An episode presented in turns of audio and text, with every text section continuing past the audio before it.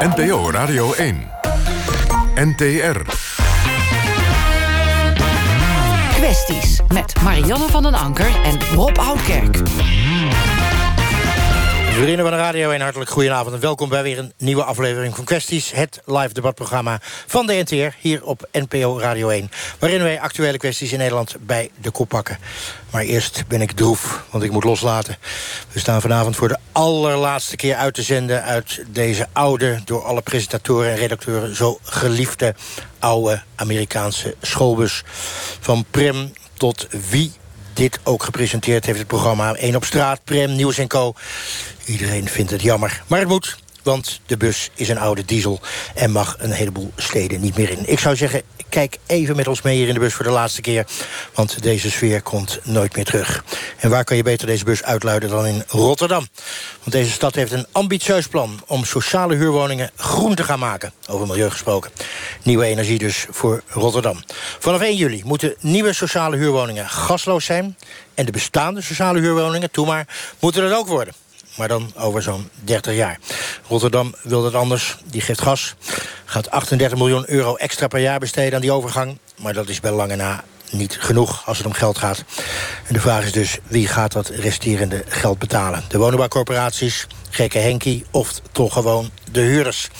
De vraag is namelijk of de energierekening niet gewoon voor omhoog zal gaan... door die overgang naar elektrisch stoken. En of juist de minima niet de dupe daarvan zullen worden. Is deze duurzaamheidstransitie zo heet dat officieel met een verschrikkelijk scrabbelwoord. Niet een speeltje van welgesteld Nederland. Daar gaan we over praten met een volle en ook warme bus. Maar nu eerst Marjan van der Anker over rookverbod op festivals. Marjan, waar sta je? Nou ja, ik sta op het Metropolis Festival in het Zuiderpark in Rotterdam... met uitzicht inderdaad op onze prachtige schoolbus... die we straks gaan uh, achterlaten. Niet hier hoor, maar die wordt keurig natuurlijk uh, uh, gesloopt... zoals dat moet op natuurkundige en milieuduurzame wijze. Dat is hier ook zo. We gaan een nieuwe toekomst in. Het is een fantastisch festivalweertje hier. Mensen genieten de hele dag al van de muziek, een drankje, een sigaretje en een jointje. Niet eens zoveel is er trouwens gebloot, hebben wij vandaag gemerkt. Die tijden gaan veranderen. In Twente stoppen enkele festivalorganisaties al met de verkoop van sigaretten. En ook wordt er steeds vaker nagedacht om festivals überhaupt rookvrij te maken. Niet alleen omdat de maatschappelijke discussie verandert... maar ook omdat festivalorganisaties torenhoge boetes krijgen... voor rokers in festivaltenten. We gaan uh, daar met festivalorganisatoren over praten... en met festivalgangers. Pim Kip, jij bent uh, zakelijk directeur van het Metropolis Festival hier in Rotterdam. Um, ja, even maar eerst, hoe is het sfeertje? De sfeer is heel goed. Echt heel goed. We hebben puik weer. Uh, een heel goed programma. En dat samen maakt het dat het heel goed toef is hier in het Zuiderpark in Rotterdam. Nou uh, ben jij natuurlijk zelf ook een feestbeest. Gaan wij zomaar vanuit, anders ga je geen festivals organiseren. Al een biertje op vandaag? Uh, ik heb net mijn eerste biertje gedronken, ja, klopt. Nou, hebben we het natuurlijk over het rookvrij maken, eventueel van festivals. Mm -hmm. Hoe zit jij erin? Uh, nou, wij zijn wat dat betreft een beetje een atypisch festival. Wij, uh, wij programmeren eigenlijk uh, de acts van morgen. Dus we hebben geen headliners. En we zijn een gratis festival. Dus wij zijn eigenlijk heel afhankelijk van het weer. En het wegnemen van drempels ook. Om maar mensen te laten komen. Juist omdat we een ontdekkingsfestival zijn. Dus paffen maar op los, zuipen maar op los. En gooi er wat drugs in. nou, nee, drugs is natuurlijk een no-go. we verkopen natuurlijk wel gewoon bier. Dat is natuurlijk ook een manier om het festival te financieren. Uh, maar cola en water verkopen even goed. Maar we letten natuurlijk wel op om te kijken van... Uh, is er geen overmatig drankgebruik? Daar letten we op. en met roken, ja, we verkopen het niet. In de tenten mag niet gerookt worden. maar als jij in het gras ligt en je wil een sigaretje roken... Ja, dan doen we daar niet moeilijk over. Toch zijn er ook best wel veel kindjes hier, kleinere kinderen... die worden dan wel blootgesteld aan die rook. Hoe zit je daarin? Uh, ja, dat is natuurlijk een, een goed punt. Uh, hetzelfde kan je natuurlijk um, zeggen voor het bier. Je ziet de ouders en de, en, de omgeving bier drinken. dan is het de vraag, ja, waar ga je naartoe en waar trek je die lijn? En voor ons is die lijn nu nog van overal waar dus eigenlijk de overheid zegt van daar mag niet gerookt worden. Aan die regels houden wij ons. En ehm, nou, dat is dus voor ons nu de lijn, om, om het zo maar te zeggen. Maar zou jij, als jij puur commercieel was... Mm. Uh, zoals Jan Smeets van Pinkpop, die we aan de lijn hebben hangen... natuurlijk wel uh, aan zijn inkomsten moet komen... Ja. zou jij dan een andere visie hebben... op dat uh, eventueel rookvrij en alcoholvrij maken van festivals? Nou goed, ik weet niet of wij als festivalorganisatoren... de plicht moeten hebben om te zeggen van... Ehm, dit doen wij zo. Of tenminste, dat kan ieder voor zichzelf uitmaken, zou ik maar zo zeggen. Ehm, ik het zou wel. Uh, ik denk, het gaat ook wel steeds meer. Hè? We willen gezonder, groener, uh, duurzamer. Dus die trend zie je wel. En ik denk als je als festival nog uh, relevant en aantrekkelijk wil zijn... dan moet je met die trends mee. En ja, die volgen wij natuurlijk eigenlijk ook. En wij zijn in die zin misschien niet echt de trendsetter. Ehm, omdat wij dat atypische festival zijn. Maar als die trend zich helemaal doorzet, ja, dan gaan we natuurlijk wel in mee. Nou, dan raak je misschien ook wel festivalgangers uh, kwijt. We hebben hier Iris, Elise en Sam. Sam en Elise, dat is overigens wel een mooi uh, verhaal. Die hebben elkaar twee jaar geleden hier op het Metropolis Festival leren kennen. Nog steeds in lof. De een rookt, de ander niet. Uh, Sam, jij bent een roker. Als het zo doorgaat dat wellicht festivals rookvrij gaan worden... ben jij dan nog te poren voor een festivalbezoekje? Nou ja, ik moet heel eerlijk zeggen dat ik, weet je wel, met lekker zonnetje, het sfeertje zit er goed in, een sigaretje ik snacht er toch wel altijd een beetje naar, moet ik wel eerlijk zeggen. Ehm, ik ben absoluut de voorstander voor uh, buiten de tenten op zijn minst roken. Als ik hoor wat, ik, wat er allemaal gebeurt met de 600 euro boetes en dergelijke. Ja, denk, ja, als ik dat had geweten, dan zou ik het nooit niet doen. Maar dan doe ik het ook nooit in een tent. Ik, ik vind het gewoon wel oprecht, als ik daar lekker in het grasveld lig... denk ik, ja, een sigaretje toch, wat, zou het uitmaken? Dan heb je in ieder geval wel in Nederland een trend... dat bijvoorbeeld sportvelden al steeds meer rook- en alcoholvrij worden. Uh, Pim zei ook al, nou, de trend in Nederland zet zich wel door. Duurzaam, verantwoord, vegan, uh, alles voor het milieu en de toekomst van onze kinderen. Misschien toch dan maar om over een tijdje? Ja, maar ik denk sportvelden. Ik bedoel, het is een hele andere sfeer. Ik, ik ben het helemaal eens. Ik leef ook steeds groener en, weet je wel, gezonder. Ik ben echt wel bewust bezig met wat ik aan het doen ben. Maar op een festival, dat is toch echt wel even relaxen. En gewoon doen wat je wil doen. Dat is even lekker loslaten, denk ik. Ik doe het echt voor het genieten. En een peukje ja, moet toch geen kwaad kunnen, lijkt mij dan. En dat zegt Sam, terwijl hij hier lekker in het zonnetje zit... uitgebreid net nog een peukje op heeft gestoken. Iris geldt ook voor jou. Zeker. Ja, je houdt er ook wel van, hè? Op zo'n festival een beetje alles gebruiken. Nou, het is heerlijk om gewoon uit je werkweek... Um, even helemaal los te gaan, alles los te laten... en nergens over na te denken. Een biertje te drinken, een sigaretje te roken... Uh, helemaal los te gaan op je feest. Je bent net uh, aan het bijkomen van Down the Rabbit Hole... nu alweer ja. hier op Metropolis uh, Rotterdam. Ja. Rookt ook. Wat vind jij er dan van... dat wellicht festivals rookvrij zouden moeten gaan worden? Nou, het is natuurlijk wel een beetje een lijn de verwachting dat, dat dat er wellicht aan gaat komen. Um, en ik denk dat we daar allemaal ook heel erg aan moeten gaan wennen dat dat gaat gebeuren. Um, ik ben er niet direct... Het is een beetje een tweestrijd. Aan de ene kant denk ik, ja, dat is hartstikke goed. Ook goed voor je lijf, goed voor... Uh, maar aan de andere kant beperkt het je natuurlijk in je bewegingsvrijheid op zo'n festival. Want dat is jouw moment om even uit de band te springen. Ja, Jan Smeets, we hebben jou aan de telefoon. De organisator van het grote festival Pinkpop. U bent zelf een anti-roker. Eh, kunnen we verwachten dat Pinkpop snel rookvrij gaat worden?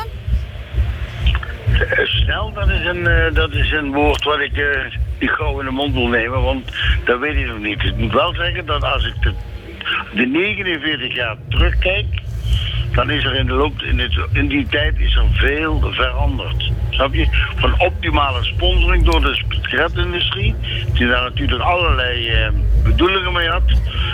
Zo is het nu tegenwoordig afgelopen. Ik bedoel, twee, we hebben nog twee kramen op het festivaltrein die sigaretten verkopen. Er staat alleen maar op tabak. Geen naam meer van een sigarettenfirma. Maar meneer Smeets, u krijgt wel geld van hen. Dat zei uh, Pim Kip net ook. We zijn wel afhankelijk van die lui die iets verkopen. Die moeten aan u natuurlijk geld betalen. Hoe belangrijk is die sigarettenverkoop op uw uh, festival... qua het sluitend krijgen van de begroting? Nee, de totaliteit van de begroting stelt er helemaal niks voor voor. Zo kunnen we gewoon, uh, gewoon heel eerlijk zeggen dat, uh, dat is niet meer aan de orde. Dat was vroeger wel. Vroeger was 100.000 schulden. Hè, die kregen we in, die jaren van de firma Samsung, Niemeyer. Ja. Dat is helemaal bij. Dat is helemaal over. A, zijn die sigarettenindustrie, die zijn ook niet gek. Die weten als ze twee van die prominente plekken hebben, is dat in hun ogen al voldoende. Ja, dus, en wij gaan niet uh, daar een discussie over voeren. Ik ben wel zo eerlijk dat ik zeg van als het voorbij is, dan is het ook voorbij. Alleen, op dit moment wordt dat in Europees verband... worden de regels slecht nageleefd. Want wij, zoals je weet, mogen niet roken en niet drinken vanaf uh, uh, hoe heet het, 18. Ja. En terwijl, terwijl in België en in Duitsland het gewoon nog op 16 jaar staat. Ja, dat kan natuurlijk helemaal niet. Ik bedoel, we moeten wel even hetzelfde doen. Ja, dat is nog op Europese schaal. Maar je hebt hier eh, natuurlijk ook te maken bij Metropolis... met gewoon festivalgangers die zeggen het hoort erbij. We zijn uit, we zijn een avondje eh, hier of een over, eh, na een, een, een drukke week werken. Wat een onzin, wat een onzin. Ik denk als het programma dermate sterk is en het sfeer is daar goed. Ik bedoel, het hele festival ademt iets uit. Dan zeg ik van, hè, sla, dat, sla dat nog niet erbij of haal dat er niet bij. Want eigenlijk is het totale onzin. Ik bedoel, ik, eh, wil ook van Pinkpop, dat moet ik wel zeggen, dat is aan de andere kant. Ik wil niet dat, eh, daar een- een opvoedkamp voor maken. Waar ben ik mee bezig? Laat dat maar anderen maar doen. Snap je? Niet, niet ik. Ik wil gewoon 50 goede bands programmeren. Die kosten heel veel, heel heel veel geld. En als de mensen daarvoor willen betalen, denk ik dat de mensen dat willen betalen. Dat is dit jaar gebleken. 113.000 mensen hebben gewoon hun entreekaart betaald. Ja, u had wat dat betreft een super resultaat. Maar bent u niet uiteindelijk bang dat als er toch... Hè, want het zal natuurlijk niet door u besloten worden... maar waarschijnlijk ook door de politiek... dat eh, het bezoekersaantal flink naar beneden gaat... als mensen niet meer mogen roken, drinken of drugs gebruiken... op bijvoorbeeld Pinkpop? Nee, denk, denk je nou werkelijk dat mensen... Als ze, kijk, het gaat er toch om dat superprogramma. Daar willen ze wel betalen. En alle andere dingen worden gewoon vergeten. Dat wordt gewoon niet aan gedacht. Bovendien moet je niet onderschatten dat nog slechts, tussen aanhalingstekens, ik vind het nog altijd veel, 30% van de aanwezige bezoekers, dat blijkt uit enquêtes, rookt maar. Of drinkt bovenmatig. Dat is echt zo. Dat, dat overdreven we niet mee. Dat kunnen we aantonen met keiharde cijfers. Ook mede namens het Rode Kruis. Wat voor ons een, de, de, de, de, zaak goed in de gaten houdt. Het valt onvoorstelbaar reuze mee. Dank u wel voor dit niet- moment, eh, meneer Smeets. Want we hebben hier een van die 70% mensen... die op een festival niet rookt. Elise, jouw eh, Sam die, eh, zit alweer lekker aan een peuken hier. ja, jij zoent wel met hem. Toch maar eventjes die persoonlijke vragen eerst. Eh, dat hoor je vaak. Dat dat niet goed samengaat. Een Over- roker en een niet-roker samen zoenend op het kussen. Over het algemeen, als hij, dan weet hij dat als hij een sigaret opsteekt... dat hij geen eh, kus hoeft te verwachten. Gewoon puur en alleen omdat het niet lekker ruikt. Het, is ook, het smaakt ook niet lekker. En het is gewoon niet prettig in het algemeen. Dus ja, dan, eh, ik probeer hem zeker te ontmoedigen. Maar het werkt niet altijd. Over die festivals. We hoorden net eh, Jan Smeet zeggen... 30% van de mensen rookt maar. Hij verwacht niet dat het bezoekersaantal naar beneden zal gaan... als uiteindelijk wordt besloten om ook op festivals niet meer te roken. Ehm, ben jij dan blij? Eh, ik ben dan zeker wel tevreden als het eigenlijk gestopt wordt om eh, te roken. Puur en alleen omdat het niet ook goed is voor de individueel die wel rookt. Want ik weet zeker dat als je kijkt waar een festival voor staat... als een festival staat alleen voor drank, drugs, roken... de slechte genotten van het leven... dan was er eigenlijk heel erg ander publiek op afgekomen. En terwijl als je hier op Metropolis ook rondkijkt... dan zie je heel veel gezinnetjes, kinderen van twee, ouders... eh, mensen van 50, 60. En dat zijn ook de niet-rokers. En die hebben vaak ook juist het overlast van het roken. En dan denk ik... ehm, Roken is eigenlijk iets, het is niet gezond voor je. Het ruikt niet lekker. Eh, het is ook onnodig, want de volgende ochtend word je ook over het algemeen wakker met een vieze smaak in je mond. En die rokers domineren wat jou betreft dan ook eigenlijk de sfeer. Want zij zitten te paffen en dat gaat gewoon van veldje naar veldje. Ja, nou, ik denk ook dat het enigszins inderdaad overlast geeft aan de bezoekers die hier zijn die niet roken. Eh, als je hier kindjes ziet rondrennen en ik zag, ik heb al meerdere malen gezien dat iemand gewoon een brandende sigaret op de grond gooit en hem niet uittrapt. En er lopen toch kindjes met blote voeten over het gras te rennen. En dan Metropolis is natuurlijk een familiefestival, maar Lowlands, Pinkpop, dat duurt natuurlijk ook meer dan tien uur. Hier zou ik zeggen, tien uur kan je wel zonder sigaret. Drie, vier dagen wordt al wat moeilijker. Maar dan zou je wel langzaam misschien een transitie kunnen starten waarin je eerst een rokersruimte of een rokersgebied Een rokershol, een rokersvak.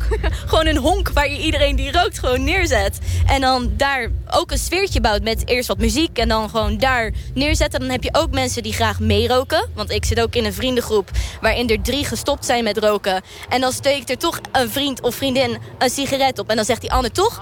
één- Doe toch maar eentje. ja, toch één of twee trekjes. En dan denk ik van, zo raak je weer verslaafd. Dus als je die mensen gewoon de moeite laat doen om naar een rokershok te laten lopen... dan hebben de mensen die over het algemeen niet roken... meestal van, nou, ik heb geen zin om dat hele, die hele weg af te leggen... Naar, dat, naar, naar, naar die plek toe. En de mensen die wel roken, die denken van, nou, dan moet het maar. Maar dan heb je ook al het vel van de sigaretten op één plek... En verder dan is het de rest van het terrein. Het is echt duizend, duizend uh, argumenten. Uh, Pim Kip, jij moet als zakelijk directeur van Metropolis de boetes betalen. We kijken hier uit op die prachtige rode tent. Er staan hele grote anti-rook dingen op. Jij krijgt straks te horen vanuit de NWA of jij regels hebt overtreden. Jij moet ze betalen. Hoeveel per rokende festivalganger in de tent? Ik, uh, wat zal het zijn? 600 gulden? Zes, ja, we leven wel inmiddels. Jij ging met je tijd mee, hè, zei je nog. Maar dat klopt, hè? Hij volgt de trend. Nou, die euro's hebben al een tijdje. Maar jij moet het dokken 600 euro, ja. inderdaad. Ja, daarom uh, uh, letten wij er heel erg op om dat het niet gebeurt, zeg maar. We hebben daar constant uh, beveiliging op staan. En uh, we spreken die mensen echt aan om, uh, als, het, als we het zien gebeuren, om buiten de tent te gaan staan. Ja, dus jij handhaaft zelf. Er zijn inmiddels al festivalorganisaties, waaronder eentje in Appeltern Wonderland. Die gaat niet meer een festival organiseren, want ze hebben flink wat boetes gekregen. En die kunnen het niet financieel sluitend krijgen. Heb jij al een post opgenomen op de begroting voor deze boetes? Uh, nee, heb ik nog niet gedaan. Uh, juist omdat we, nou misschien is die post, die uh, investeren we misschien in de extra beveiliging. Die we juist rond die tenten hebben. Dus op die manier zou je het ook kunnen zien. Ehm, maar we hebben daar niet een potje voor om te zeggen van dit is het boetepotje. Sam en Elise, we gaan ervan uit dat, uh, uh, en Iris, we gaan ervan uit dat jullie als rokers niet in de tent roken. Klopt dat? Klopt. Jij ook nooit? Klopt.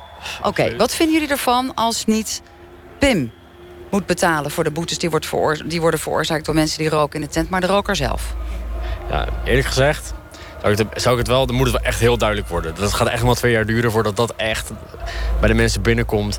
Laten we niet roken in de tent, weet je wel. Ik snap het echt wel. De, de wind staat stil, iedereen krijgt het in zijn neus en iedereen krijgt het om zich heen. Maar het is voor nu echt te snel. Het is niet te duidelijk. Weet je, een anti-rokersplaatje en de binnenkant van een tent is gewoon te weinig om aan te duiden dat het voor andere mensen natuurlijk ook vervelend is. Maar die boete sowieso, als ik wist dat er 600 euro aan zou vasthangen, zou het echt wel ja, zou het voor mij ook wel gevaarlijk zijn, weet je. Nou, Wat vind jij, uh, Iris? Boetes betalen door de rokers?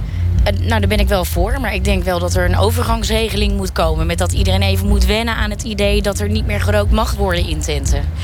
Wauw, twee rokers die er toch al langzamerhand zich op aan het voorbereiden zijn... dat er straks wellicht op festivals niet gerookt meer mag worden. En dan ook geen alcohol. Uh, Jan Smeet, ook geen alcohol. Dan ook maar meteen door naar alcoholvrije festivals? Ja, alcohol vind ik dan net een stap te ver, eerlijk gezegd. Want van alcohol, daar, daar is van gebleken dat, dat de buurman, zou ik maar zeggen... waar jij dan een biertje bij drinkt of iets anders... die gaat daar, kijk daar geen kant op van. Ja. Ik bedoel, echt, het is duidelijk aangetoond, daar hoeven we absoluut niet meer zoveel moeite voor te doen... duidelijk aangetoond hoe schadelijk roken is. Ja, dat geldt ook, maar dat geldt ook voor alcohol. Alcohol beïnvloedt nee, de festivalganger in zijn gedrag. Maar u bent daar milder in dan roken. Oh ja, absoluut zeker. Omdat het gewoon... Ja, we zijn daar heel erg mild in. Het, het, is, het is absoluut uh, handelbaar. Het is... Uh, ja, ik denk wel eerlijk gezegd dat dit, deze discussie die we even zomaar even op Radio 1 doen... Die, daar komt meer bekijken dan uh, zomaar even zeggen... ah, je bent voor drank en je bent tegen, tegen roken. Ik vind dat je eerst een keer moet beginnen met te vertellen... hoe schadelijk verdomme dat roken is. Dat is overigens, moet, ik, moet je continu maar zeggen... dat, dat bestaat pas vanaf de 16e eeuw. Helder, u bent echt absoluut tegen roken. We kunnen het niet anders formuleren dan dat er uw mening is. Nog één laatste vraag voor het debat wat we zomaar op Radio 1 voeren. Boetes laten betalen door de roker die toch in de tent rookt? Of door u als festivalorganisatie? Nee, sowieso. Ik ben sowieso dat degene die de, het ongeluk veroorzaakt, dat hij ook betaalt. Ik vind niet dat degene die de, toevallig uh, een concert inricht, dat, je die, dat, dat die uh, bij wijze dat moet betalen. Dat is totale onzin, vind ik tenminste. Pas op, hè.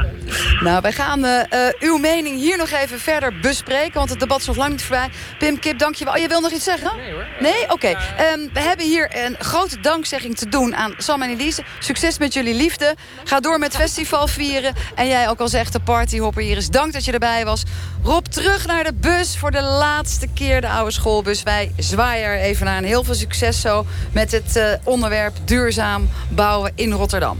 Wij zwaaien vrolijk terug vanuit deze snikhete bus. Inderdaad gaat deze bus er vanaf vandaag uit, want dat is beter voor het milieu. Wat is nog meer beter voor het milieu? Dat we van het gas afgaan. Dus als u een cv-keteltje heeft staan op zolder, of waar dan ook... die moeten gewoon uit straks. Wij staan, Marianne zei het al, met de NPO Radio 1-bus in Rotterdam. Als het aan deze gemeente ligt, moeten alle sociale huurwoningen... zo snel mogelijk groen worden. Sneller? Dan in andere delen van Nederland. Maar dat gaat de gemeente miljarden en miljarden kosten. En de vraag is altijd in deze bus, waar haal je dat geld vandaan? Dinsdag weten we wat de belangrijkste plannen worden... om de CO2-uitstoot in Nederland terug te dringen. Want dan worden die hoofdlijnen van het klimaatakkoord steeds duidelijker. In 2030 de helft van de CO2-uitstoot eruit. Huizen moeten groener. Schatting van de kosten, even voor uw wetenwaardigheid... voor de woningbouw 108 miljard. Dat is ongeveer 50.000 euro per sociale huurwoning. Roel van Raak is inwoner van Rotterdam-Zuid. Werkte mee aan het rapport Nieuwe Energie voor Rotterdam... van Drift, dat is een onderzoeksinstituut hè, voor duurzame transitie... zoals dat zo mooi heet, van de Erasmus Universiteit. Even, even voor mijn beeld. Ik woon gewoon in woning hier in Zuid. Wat zijn nou de belangrijkste klimaatmaatregelen... waar burgers, zoals ik, als ik hier zou wonen, mee te maken krijgen? Uh, nou, als je in een huurwoning woont, uh, dan kun je in ieder geval iets aan je gedrag doen. Dat is ook simpelweg die thermostaat lager zetten. Uh, je kan minder vlees eten. Je kan aan dat soort dingen iets doen. Je kan eens een keertje minder vliegen. Uh, en ik denk dat we het verder zo meteen er echt over moeten gaan hebben. Wat kan je, uh, kan je ook straks in Rotterdam bijvoorbeeld meepraten...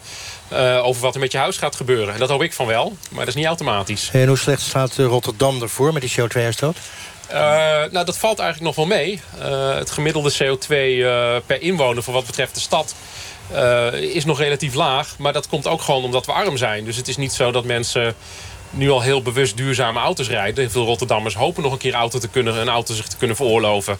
En onze huizen zijn relatief slecht geïsoleerd, maar ook relatief klein. Dus we doen het vrij goed qua CO2, maar dat is ook een welvaartsprobleem. En ik zou hopen dat we het straks goed doen, zowel qua welvaart als qua CO2. Hoeveel, hoeveel, woningen zijn er dan slecht geïsoleerd in Rotterdam? Veel? Want je zei veel, maar hoeveel? Nou, dan heb je het over... Uh, Rotterdam is vooral blinkt uit in de middenmaat. Dus we hebben heel weinig heel goed geïsoleerde woningen. We hebben ook ten opzichte van andere grote steden...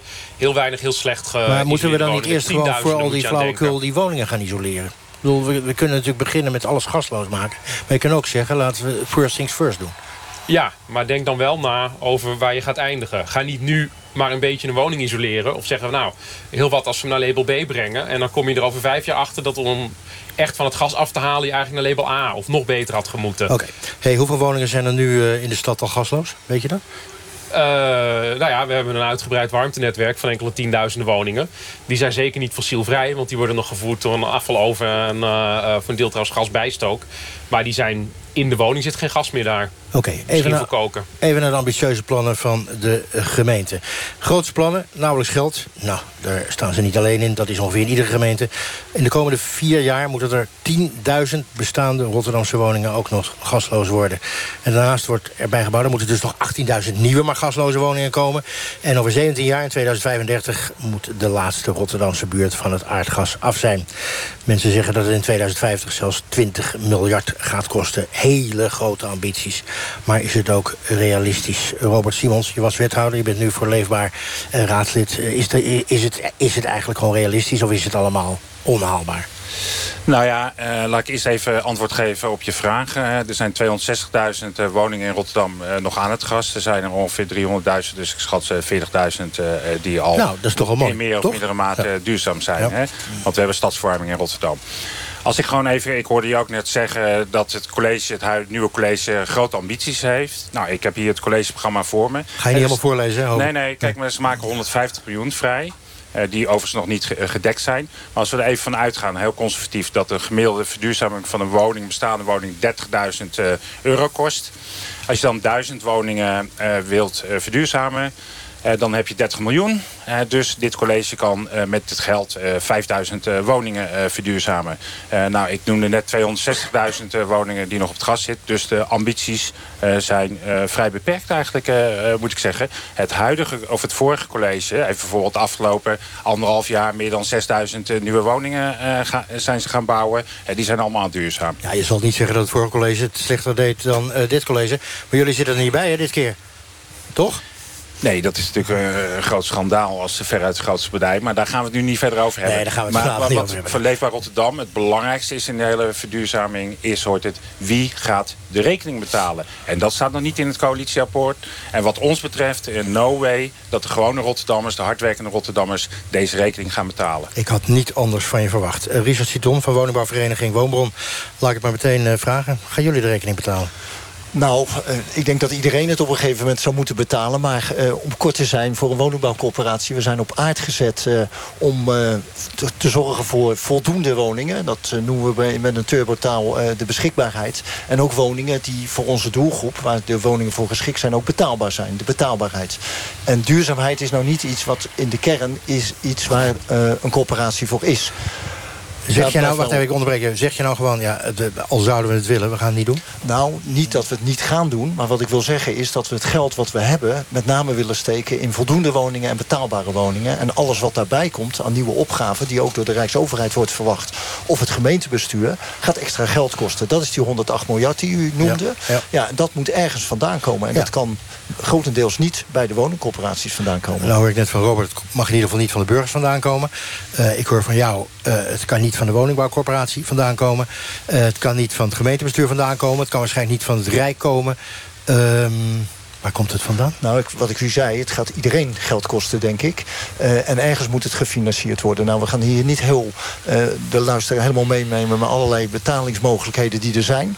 Maar er wordt al aangegeven eh, in de krant... dat belastingen omhoog gaan op gas.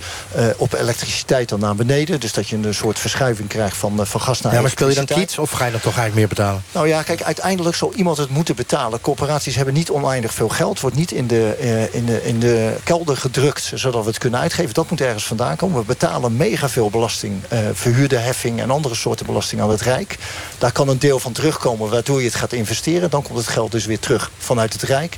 Zo kunnen ook misschien eh, de burgers eh, bepaalde belastingen kunnen krijgen. Of hogere huren. En daar zijn we absoluut niet voor. Zegt het heel voorzichtig. We, we gingen eerst maar eens even peilen in, bij de bevolking. Weet u eigenlijk wat er mogelijk is om uw huis energiezuinig te maken? Ik zou het in dakisolatie steken. Dat is voor mijn woning. Hè, als, ik, als ik nu 2000 euro zou krijgen, dan is voor mijn woning het interessantste om dakisolatie eh, verder aan te pakken. Nou ja, mogelijkerwijs of eh, zonnepanelen of een eh, windmolentje. in zonnepanelen. Niet in eh, energiezuinig. Dat heeft voor mijn woning, daar, moet, daar moeten er complete nieuwe gevels in. Dan zou dat allemaal gerepareerd moeten worden. En eigenlijk is dat mijn taak niet. Dat is de taak van de huiseigenaar. Ik denk dubbele ramen. Dubbel glas, ja. Eh dan zouden ze zeker de ramen zeggen. En eh, ja, de isolatie van de muur. Omdat het wel oude, het is een oud pand. Dus ik weet zeker dat het daar gestoken zou worden. Ja. Eh, het is maar niet mijn eigen woning. Het is een sociale huurwoning. Dus dat is heel moeilijk te beantwoorden. Anders zou ik het eh, allemaal zonnepanelen nemen. Voornamelijk dubbel glas. Eh, want voor de rest heb ik een appartement, dus ik ben al redelijk ingebouwd, om het zo maar te zeggen. En verder, ehm, ja, misschien toch zonnepanelen. Ja. Ja, zonnepanelen. U luistert om twee over half negen bijna naar het programma Kwesties. Wij praten over zeer ambitieuze plannen van de gemeente Rotterdam... om alle sociale huurwoningen nu, maar ook op termijn... eh, het gas vanaf te halen en allemaal energievriendelijk te maken. Richard, stil nog even. Jullie hebben zo'n eh, koepelorganisatie, zo'n landelijke koepelorganisatie. Die zeggen, ja luister eens, ehm, eh, op korte termijn is er gewoon geen geld... om grote aantallen woningen in Nederland op alternatieve energiebronnen te zetten. Ze zijn daar vrij eerlijk in. Geen geld.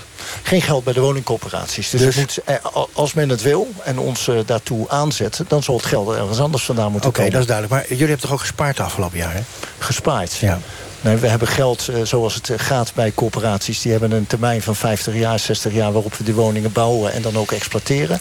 En in dat hele financiële eh, geheel zit ook onderhoud bij... nieuwbouw bij, betaalbaarheid, waar we heel veel geld in steken. En daar zit het geld van woningbouwcorporaties in. En we hebben nooit in al die lange termijn plannen rekening gehouden... met dit soort immense investeringen. Dan gaat het hier in de bus heel vaak over geld, maar ook nog even praktisch. hè. Je hebt natuurlijk ontzettend veel mensen nodig. Bouwvakkers, monteurs, elektriciëns. Stel je zou het geld hebben. Waar haal je die mensen dan vandaan? Ja, als corporatie eh, zou, zou ik dat ook niet weten. Maar kijk, ik, ik denk dat dat is er ook één. Maar dat, we praten hier over 2050 eh, voor Nederland helemaal van het gas af. Dus dat is 32 jaar. We hebben nu een enorme economische meewind, om het zo maar te zeggen. Dat is hartstikke goed voor iedereen. Ik denk ook voor Nederland, ook voor Rotterdam. Dat merken we aan alle kanten, ook hier in het Rotterdamse. Dus je kunt niet zeggen wat nu is, dat is over tien jaar ook zo. En ik denk, ja, dan moet je toch echt kijken naar de Rijksoverheid. Wat kun je doen om te zorgen dat mensen daar wel in de bouw terecht kunnen? Ik zal er straks naar kijken. Maar eerst naar je buurvrouw, Birgit. Eh, je woont met je gezin in een oudere sociale huurwoning. En ik heb mij laten vertellen met energielabel G. Dat is geloof ik ongeveer het allerergste. Bijna. Volgens mij kun je ook nog H. Oh, ik kijk H, even H is nog erger. Oké. Hey, maar het is dus gewoon heel slecht geïsoleerd. Ja, eh, Waarom is daar niks aan gedaan in jouw eh, woning? mm, dat is een goede vraag. Ik heb geen idee. Wat Ik- betaal, wat betaal je per maand? Eh, Aan huur? 550 euro om en nabij. Oké, dan zit je dus in de sociale sector. Ja. Eh, stel nou dat jouw eh, eh, woningbouwvereniging zegt... wij gaan je woning verduurzamen. Jullie gaan van gas naar elektri- elektriciteit. Wat zeg jij dan? Hoe kom ik aan een nieuw gas of aan een nieuw kooktoestel, denk ik. Dat is het eerste wat ik denk. Jij denkt in hele andere dingen dan Ja. hoe Nederland denkt. Je zegt, ik heb er niet eens Nou ja, geld voor. ik denk dat er heel veel Nederlanders ook zo zullen denken. Want ik heb niet de fondsen reserve om eh, zomaar zo'n toestel eh, Dus zonnepanelen, dubbel glas, eh, elektrische pomp. Allemaal geweldig, maar je kan het gewoon niet betalen. Nee, dat, daar kom ik al niet eens. Daar kom ik niet eens in de buurt van bedenken. Ik vond het al heel knap, de, eh, fragmenten die we net eh, voorbij hoorden komen... dat mensen van alles weten te noemen.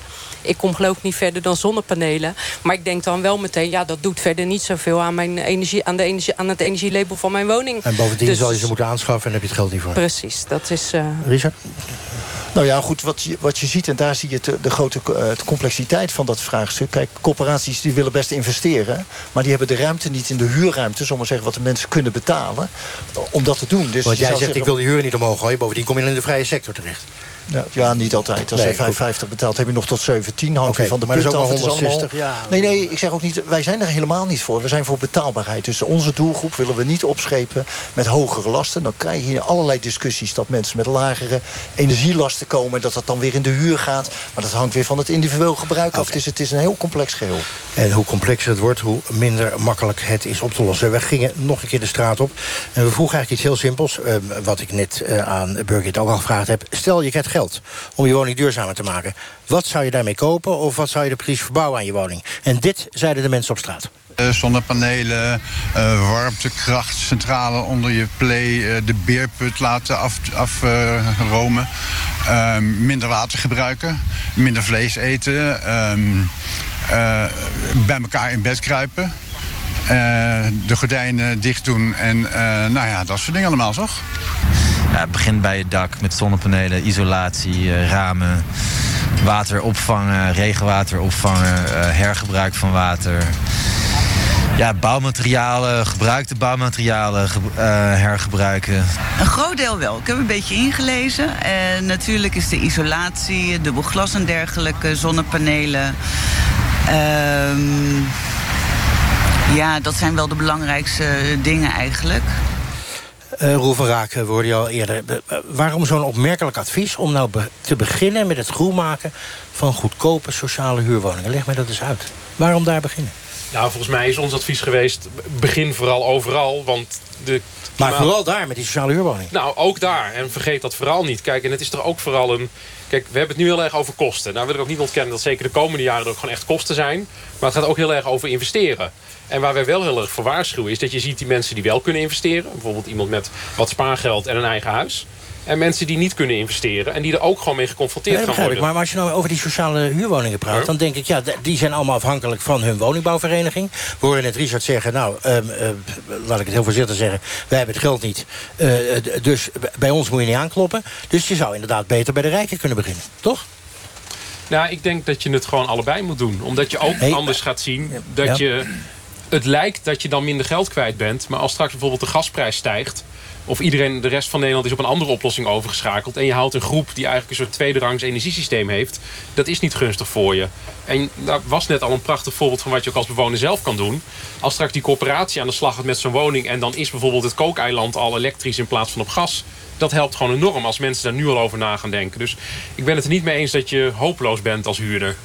Je bent niet hopeloos als huurder. Burgert, nog even. eh, Die woning is dus slecht geïsoleerd. Oké, niet het allerslechtste, maar slecht geïsoleerd. Heeft ooit een woningbouwcoöperatie waar jij mee te maken hebt... aangeboden om eh, de woning te verbeteren?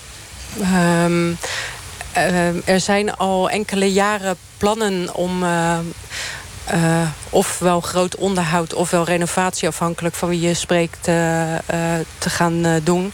Eh, maar volgens mijn buren, wij wonen er nog niet zo lang, maar volgens mijn buren werd dat 15 jaar geleden ook al beloofd. Dus wij eh, we blijven hoopvol, maar Oké.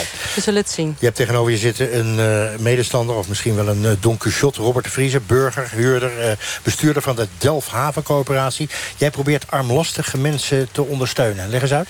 Ja, we hebben een, eh, wijkcoöperatie. En daarin proberen we zeg maar, de, de wijk Bospolder Tussendijken... in samenwerking met de partners, gemeente Rotterdam en Havensteder en Rabobank... en eh, andere, andere partijen, eh, kijken hoe we...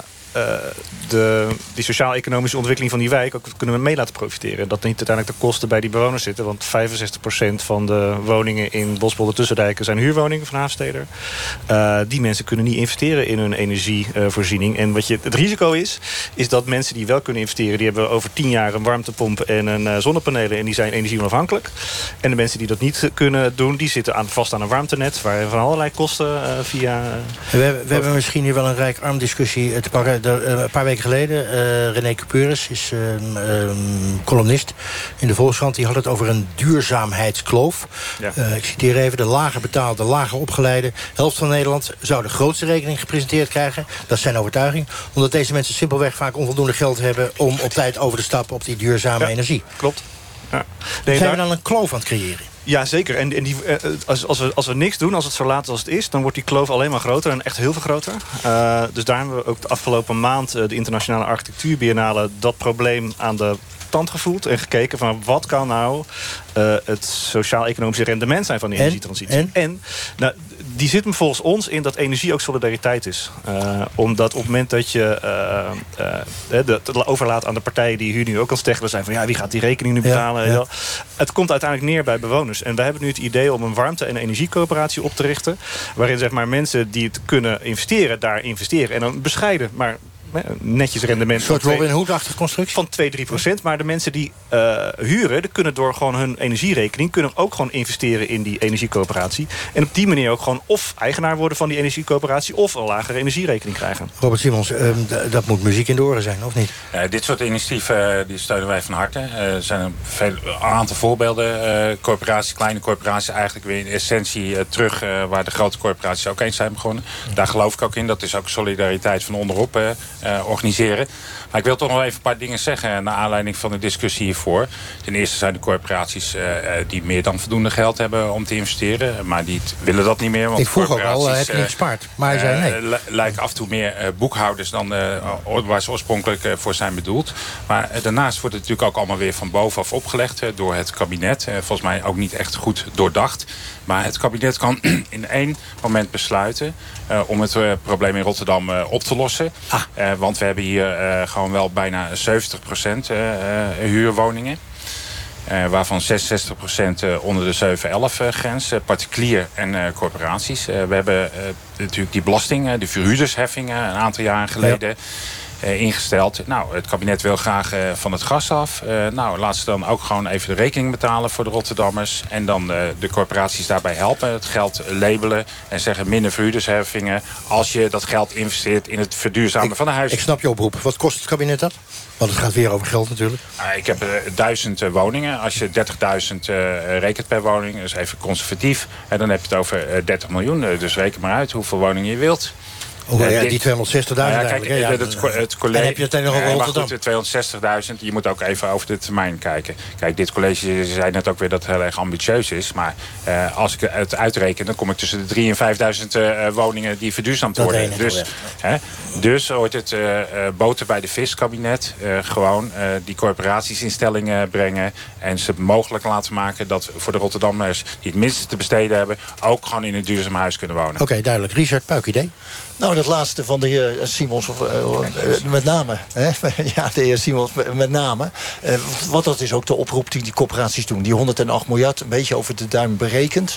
Dat is ook om aan te geven, een belangrijk deel van dat bedrag... kan niet uit de financiering komen van, de- van de corporatie zelf. Dus er zal externe financiering Ja, van maar moeten ik komen. hoorde hem ook zeggen... jullie Ja. hebben best wat op de plank liggen. Ja, maar dat, daar wilde ik daar. Ik zei ook, ik was het eens met het laatste deel van zijn betoog. Ja, ja, dat Kijk, dat ik deuntje van. Leefbaar Rotterdam hebben we al jaren over ons eh, heen gehad. En ik, kan, ik ben zelf financieel bestuurder van een corporatie. Ik kan niet met een hart op het hoofd. Als wij het geld zouden hebben, zouden we het ook doen. Overigens, wat ik zeg nogmaals, niet in die duurzaamheid, maar in de beschikbaarheid en de betaalbaarheid zijn de twee kernen. En hadden we de gelegenheid gehad, hier in het Rotterdamse... hadden we graag woningen bijgebouwd de afgelopen jaren... maar dat werd voorkomen door dezelfde heer die hier tegenover zit... Robert omdat wij Vriezen. sociale woningen niet Robert mochten bouwen. Ja, denk- Speler scherprechter. Wat je hier ziet, hè, dit is een beetje wat ze noemen het prisoners dilemma. Alle partijen die proberen het maximale eruit te slepen. En waar zit nu de gemeenschappelijkheid? Want uiteindelijk, eh, als we helemaal niks doen... dan eh, gaan we allemaal de Bietenbrug op. En we moeten ergens een manier vinden om eh, eh, bij elkaar te komen... en ervoor te zorgen dat iedereen een, een gelijkwaardig deel draagt... van die eh, Oké, duidelijk. Wat net even ter sprake kwam, wat mij ehm, toch ook wel aanspreekt... is een soort kloof die we aan het creëren zijn, terwijl we dat niet bedoelen. Eh, In de bus hebben we ook Michiel Hulshoff, journalist... medeoprichter van Tertium, een bureau voor burgerparticipatie. Buitengewoon somber stuk geschreven over de enorme energietransitie die eraan komt. Waarom zo'n somber stuk?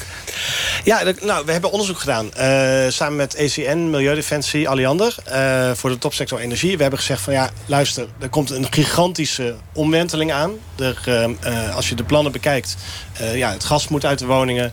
Eh, straks in twee- eh, 2050 hebben we ook vier keer zoveel windenergie van land nodig dan nu het geval is. Ehm, dat gaat nogal wat teweeg brengen. En dat, dat, dat gaat leiden tot winnaars en tot verliezers. Ja, dus die duurzaamheidskloof die komt er gewoon aan. Die komt eraan. Ja, als als je ik even mag doet. citeren, je had het over een nieuw mandje vol sukkelaars...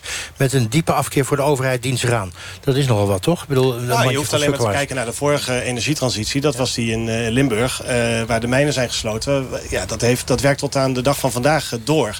Maar zeg je nou dus- eigenlijk niet doen? Nee, dat zeg ik helemaal niet. Ik zeg eh, eh, goed nadenken over wat de gevolgen kunnen zijn. Wie zijn die verliezers? En daar moet je op letten. En ik, ik hoor hier ook al eh, in het gesprek dat, er- dat er veel aandacht is voor die, voor die huurders. Maar het zou best wel eens kunnen zijn dat die huurders helemaal straks niet de echte verliezers zijn. Want wie zijn dat wel? Nou, je, je hebt op verschillende vlakken kun je verliezen. Je kan, als je nu werkt in de, in de fossiele sector... en je bent cv-monteur en je verliest straks je baan...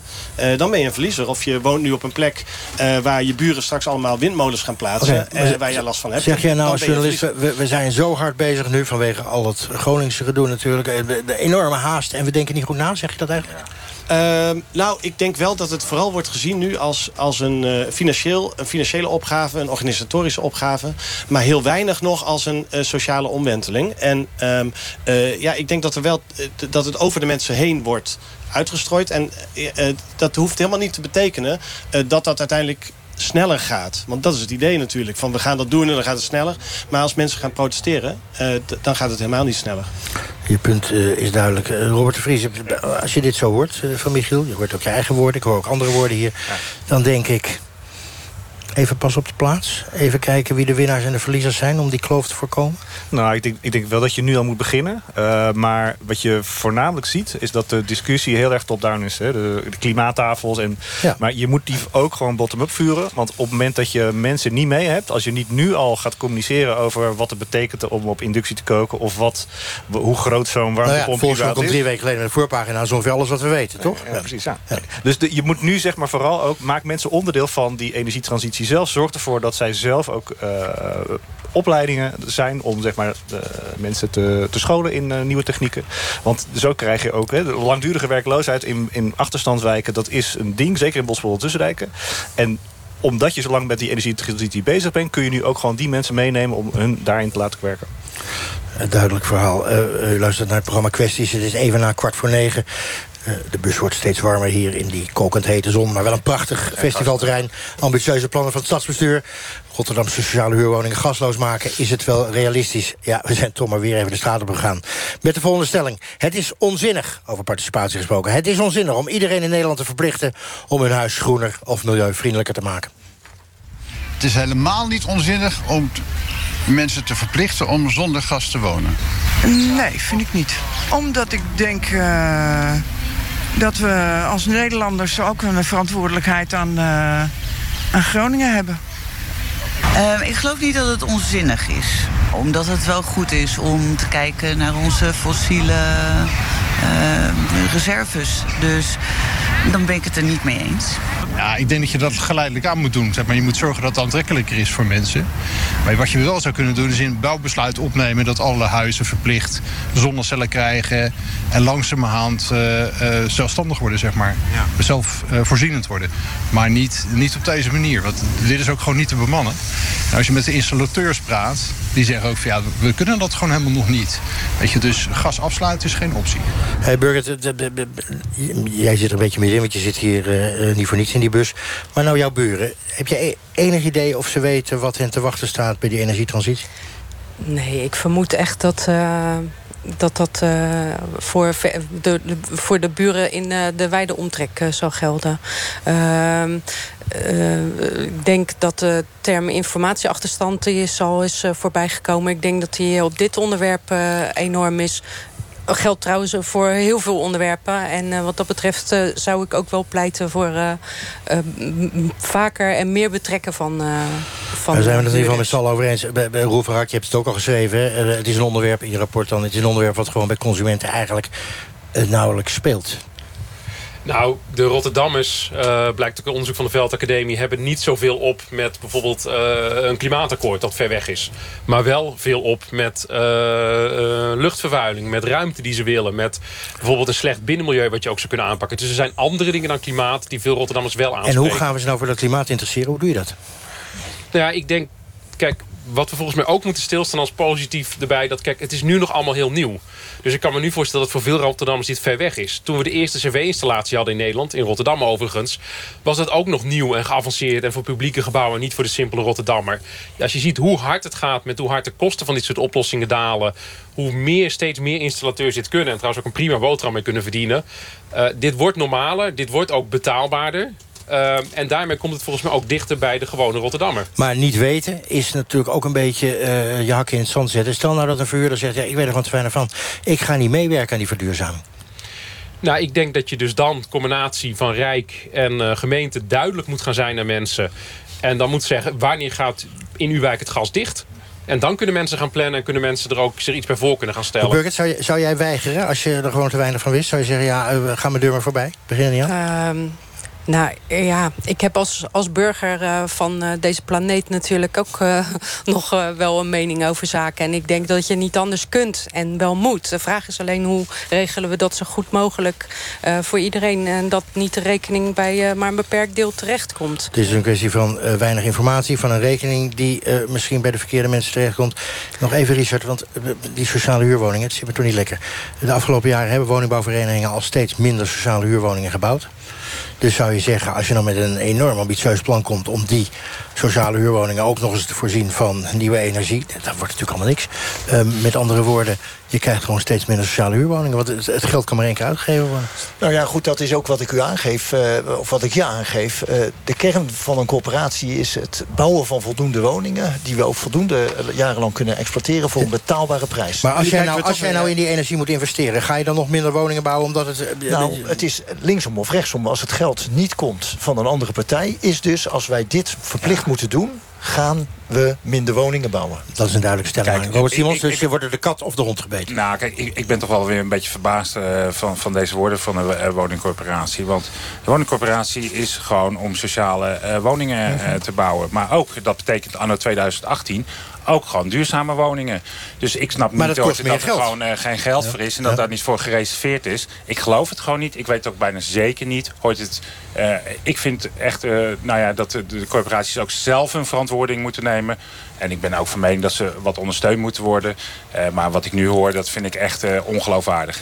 ongeloofwaardig, Richard. Jullie kunnen het eigenlijk wel. Ja, vreselijk kort door de bocht. Hè. Voor gespaard hebben dit en dat. Wij hebben de afgelopen jaren... wordt 2 miljard jaarlijks aan verhuurde heffing ingehouden... op de corporatiesector. Vier maanden huur voor alle belastingen... die we aan de Rijksoverheid afdragen. Uh, we mogen in de hele grote steden bijna niet meer bouwen. In Rotterdam hebben we jarenlang... mogen we geen nieuwbouw maken voor de sociale sector. Natuurlijk is in ons meerjaren onderhoudsplanning... alles meegenomen qua onderhoud. Maar niet die extra maatregelen van van het gas af... extra verduurzaming die er nu in maar nu gaan we toch weer zitten wachten op de, op de corporaties. En dat is natuurlijk heel... We net hebben we geconstateerd... Zegt dat een van de belangrijkste... Hulshof, ja. dan, uh, dat een van de belangrijkste dingen is... Dat, dat huurders er niet bij betrokken worden. En nu gaan we allemaal zitten kijken naar de corporatie... totdat hier wat gaat doen. Um, uh, volgens mij zou het veel beter zijn om in zo'n wijk... Uh, aan, aan, mensen gewoon te gaan vragen wat, wat zij willen... wat hun belangrijkste zorgen en angsten zijn... waar ze aan mee willen werken of niet. en dan gaan we een plan maken per wijk. en dan gaan we mee naar de corporatie toe. Oké, okay, duidelijk. Maar ik ben ook even heen, buurman Roel van Raak. Nogmaals, co-auteur van het rapport Nieuwe Energie voor Rotterdam. Dat milieu is allemaal leuk. Ik zeg het nu even wel zwart-wit hoor. Maar hoe garandeer je nou dat toch voldoende sociale huurwoningen gebouwd blijven worden? Want een euro kan je maar één keer uitgeven. Nou, het mooie is dat voor nieuwbouw, als je bij wil bouwen... dat is een overzichtelijk probleem. Ja, dat is daar komen we over uit. Die bouwen we gewoon redelijk makkelijk. Het is nog steeds een uitdaging. Snap ik. maar nou al die oude woningen. Dat zijn, dat zijn natuurlijk veel meer dan een beetje nieuwbouw. Ja, dat is een boel meer wat je zult, zult moeten ombouwen. Ehm, ja, maar als je daar heel veel geld kwijt bent en al die nieuwe energie... dan kan je toch minder nieuwe woningen bouwen? Of ben ik nog gek? Ja, maar de vraag is wel of niks doen zo gratis is. Het klinkt nu heel erg in dit debat alsof als je niks doet, je niks betaalt.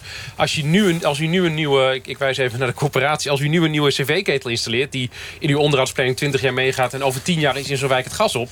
dan bent u ook, maakt u ook kosten. Dus het is ook ik denk dat we ervan af moeten dat het een kwestie is van... of helemaal niks betalen of enorm moeten investeren in energietransitie. Robert Simon? Nou, kijk, ik, ik, ik, ben ook hier verbaasd over dit verhaal en ook over het rapport. Want het zijn echt hele geleerde mensen van Erasmus Universiteit... die dus een heel mooi rapport schrijven en precies gaan vertellen wat we allemaal moeten doen.